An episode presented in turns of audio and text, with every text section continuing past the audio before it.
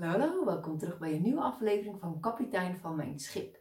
Vandaag wil ik het heel graag met je hebben over daten. Ehm, ik weet niet of ik het eerder heb verteld, maar begin dit jaar had ik mezelf voorgenomen om dit jaar, 2023, het jaar van uh, het daten, onder andere het jaar van het daten te laten zijn.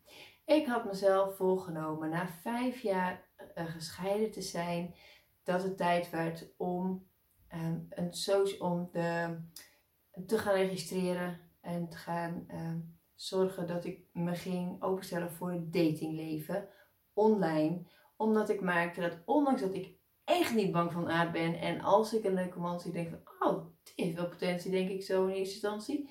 Dat ik er uit mezelf op afstreep, mezelf voorstellen, altijd een praatje maak. Um, de eerste vijf jaar uh, dat ik dus uh, was gescheiden, heb ik dat gedaan. Dat heeft uiteindelijk niet geresulteerd, in een uh, relatie. Dus ik dacht na vijf jaar van nou, tijd om het te evalueren. En niet gelukt, geen enkel probleem.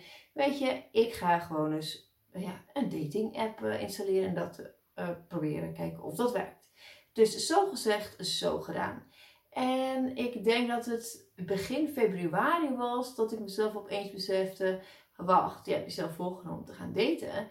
En je hebt uh, al 1 twaalfde van dit jaar gebruikt om vooral niet te registreren.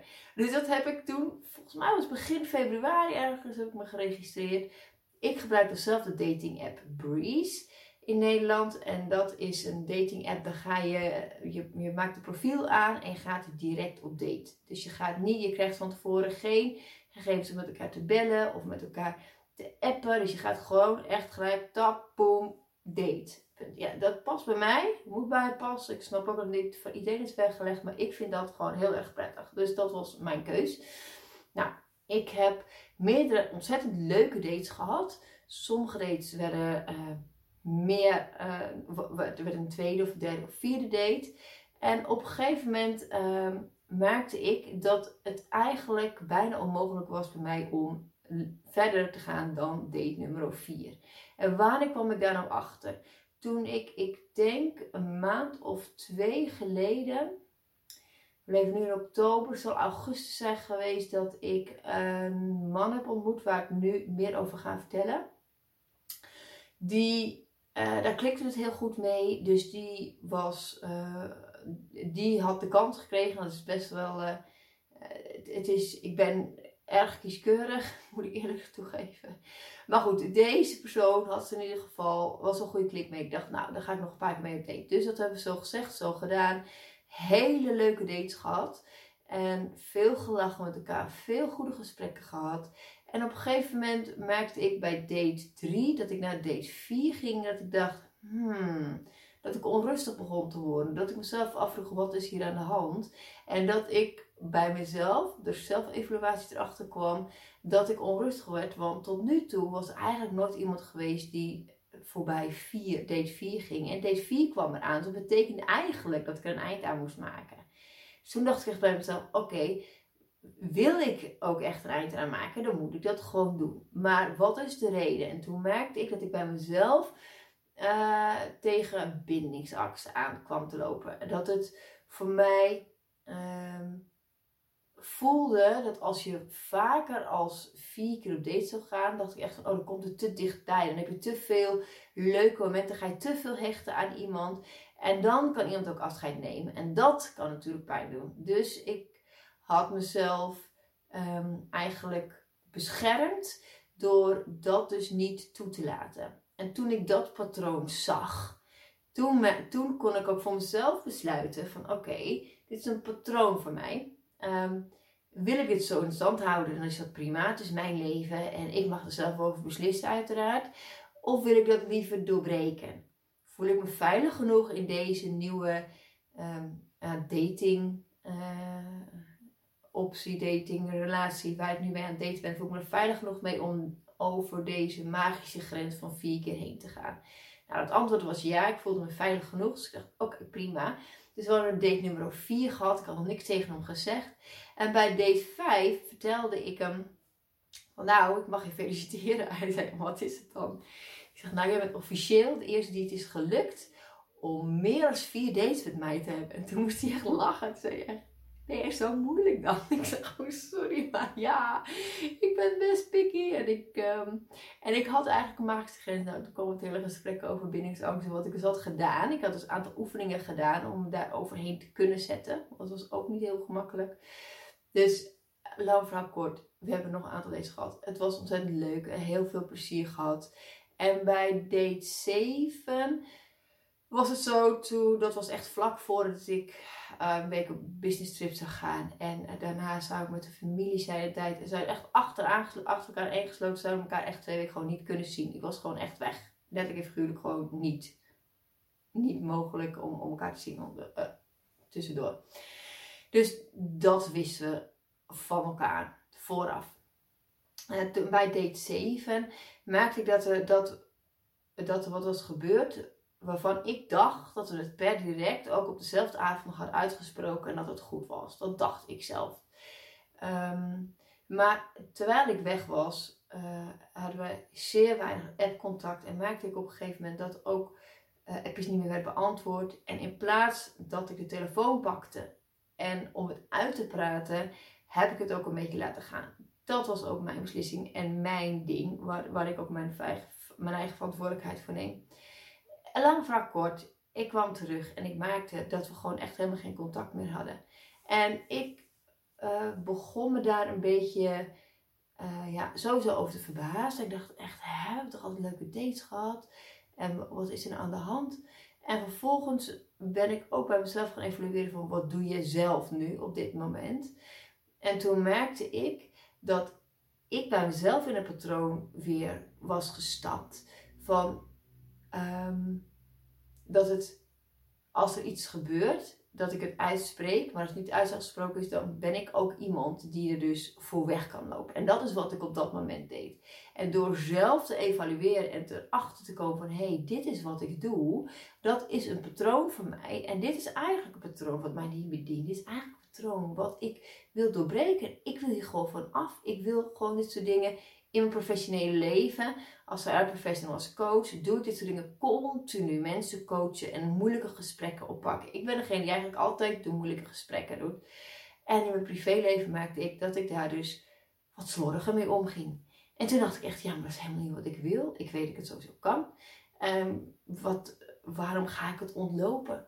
En toen ben ik dus, heb ik de stoute schoenen aangetrokken en heb ik dus ook gevraagd van, nou, zullen we nu nog een keertje afspreken om het een en ander, voordat we echt uit elkaar gaan. Dat gevoel had ik al van, hey, we zijn sowieso al uit elkaar gegroeid. Het gaat ergens iets niet goed, maar laten we nog wel een keer afspreken, zodat we het even kunnen uitspreken met elkaar.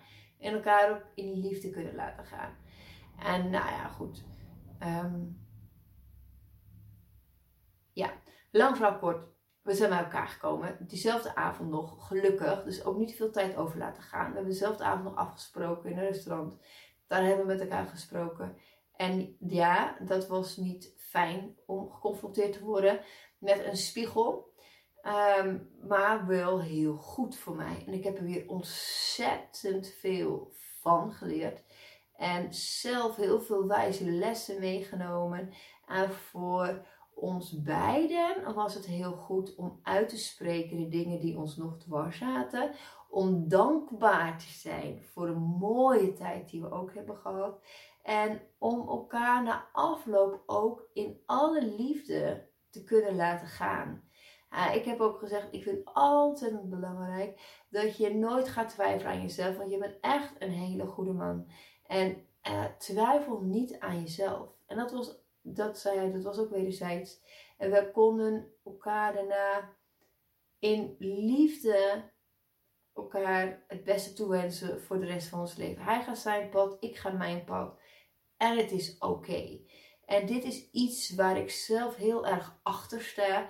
Om uh, als iets eindigt, dat in liefde te doen. En dat is niet altijd mogelijk. Maar als het enigszins mogelijk is, geloof ik daarin dat het je kan helpen ook in een eventuele volgende relatie. Dat je niet nog onverwerkte dingen hebt van iets wat daarvoor heeft gespeeld. En daar had ik ook geen zin in. Ik had ook geen zin om het mee te sjouwen. Ik dacht echt, nee, ik heb nog een heel mooi leven voor mij. En hij heeft ook nog een mooi leven voor zich.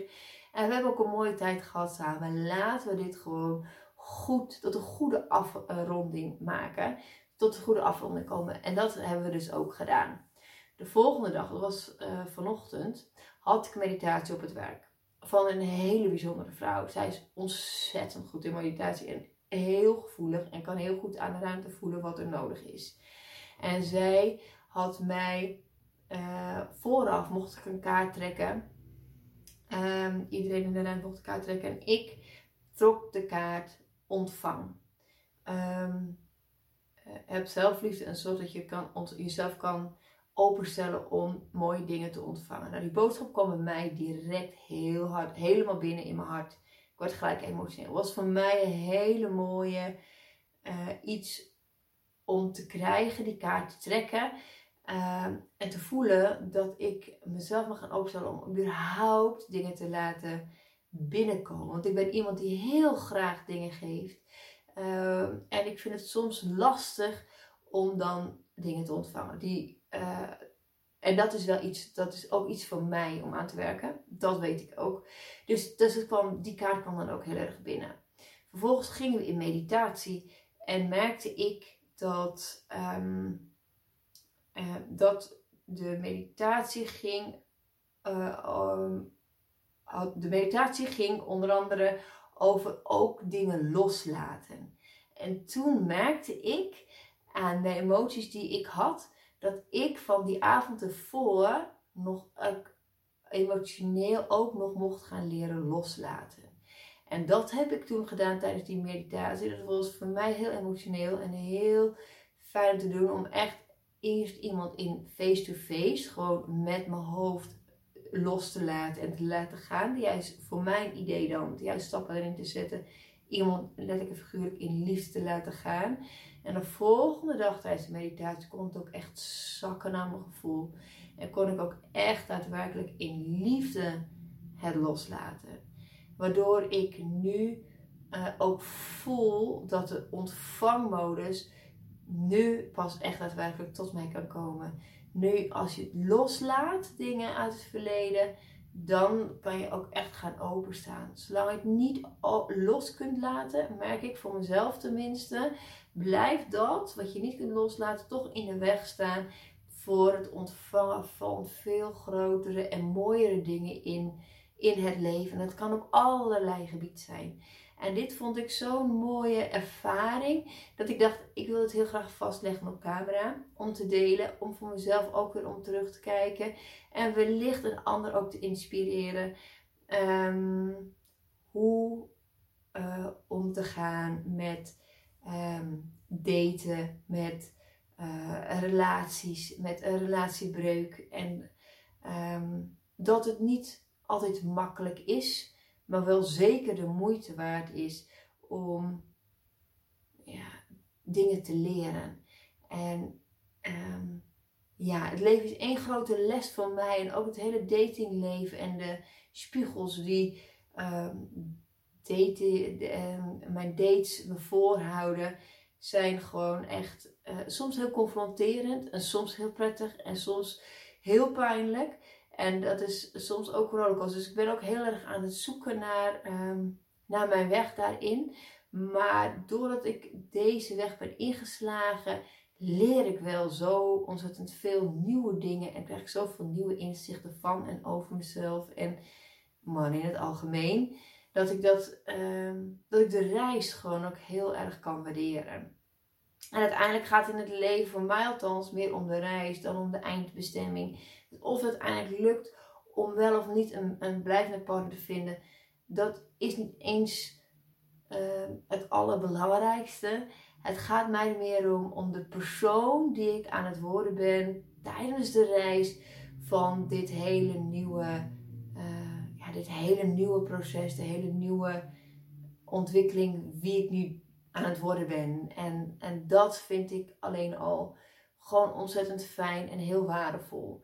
En ik hoop je daarmee dus ook aan te moedigen, mocht je een moeilijke, pijnlijke relatie uh, hebben afgerond, om het vooral niet op te geven en door te blijven gaan. Want het is zo, uh, ja, tenminste, ik ervaar het zelf als heel fijn om continu te blijven leren. En met name relaties zijn echt goede spiegels, goede momenten om te blijven leren. Kunnen dus ook heel confronterend zijn. Maar ook de mooiste, grootste, wijste lessen die ik denk dat ik heel veel van kan leren in ieder geval. Nou, dit was voor vandaag. Het is een beetje lang geworden. Sorry daarvoor. Volgende keer een wat kortere versie. Maar dit wilde ik in ieder geval eventjes niet onthouden. Dus uh, tot zover. Wordt vervolgd. Doei doei!